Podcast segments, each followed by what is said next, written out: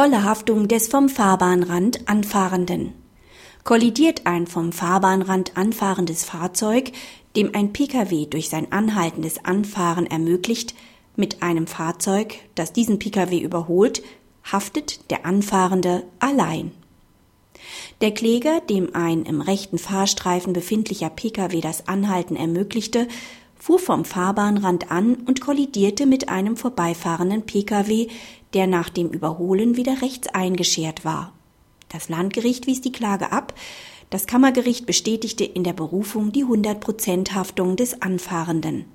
Das Kammergericht wies auf den Verstoß des Klägers gegen die hohen Sorgfaltspflichten nach 10 StVO hin. Der Kläger hätte sich hineintasten müssen, was gerade nicht langsames Fahren, sondern nur zentimeterweises Vorrollen bis zum Übersichtspunkt mit der Möglichkeit sofort anzuhalten bedeutet. Hiergegen hat der Kläger verstoßen. Demgegenüber war dem Beklagten keine schuldhafte Mitverursachung anzulasten. Ein Verstoß gegen Paragraph 5 Absatz 3 Nummer 1 StVO lag nicht vor. Ein Überholvorgang fand nicht statt. Außerdem bezwecken Überholverbote nicht den Schutz eines vom Fahrbahnrand anfahrenden Verkehrsteilnehmers. Praxishinweis. Der Hinweis auf die hohen Sorgfaltsanforderungen des vom Fahrbahnrand anfahrenden Verkehrsteilnehmers entspricht der Regelung des Paragraphen 10 StVO.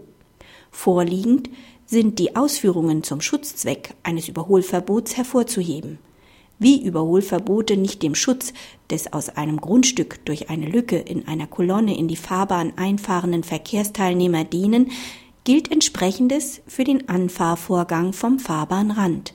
Zusätzlich weist das Kammergericht auf seine ständige Rechtsprechung hin, wonach eine unklare Verkehrslage im Sinne des Paragraphen 5 Absatz 3 Nummer 1 StVO nicht gegeben ist, wenn das vorausfahrende Fahrzeug langsamer wird selbst wenn es sich bereits etwas zur Fahrbahnmitte eingeordnet haben sollte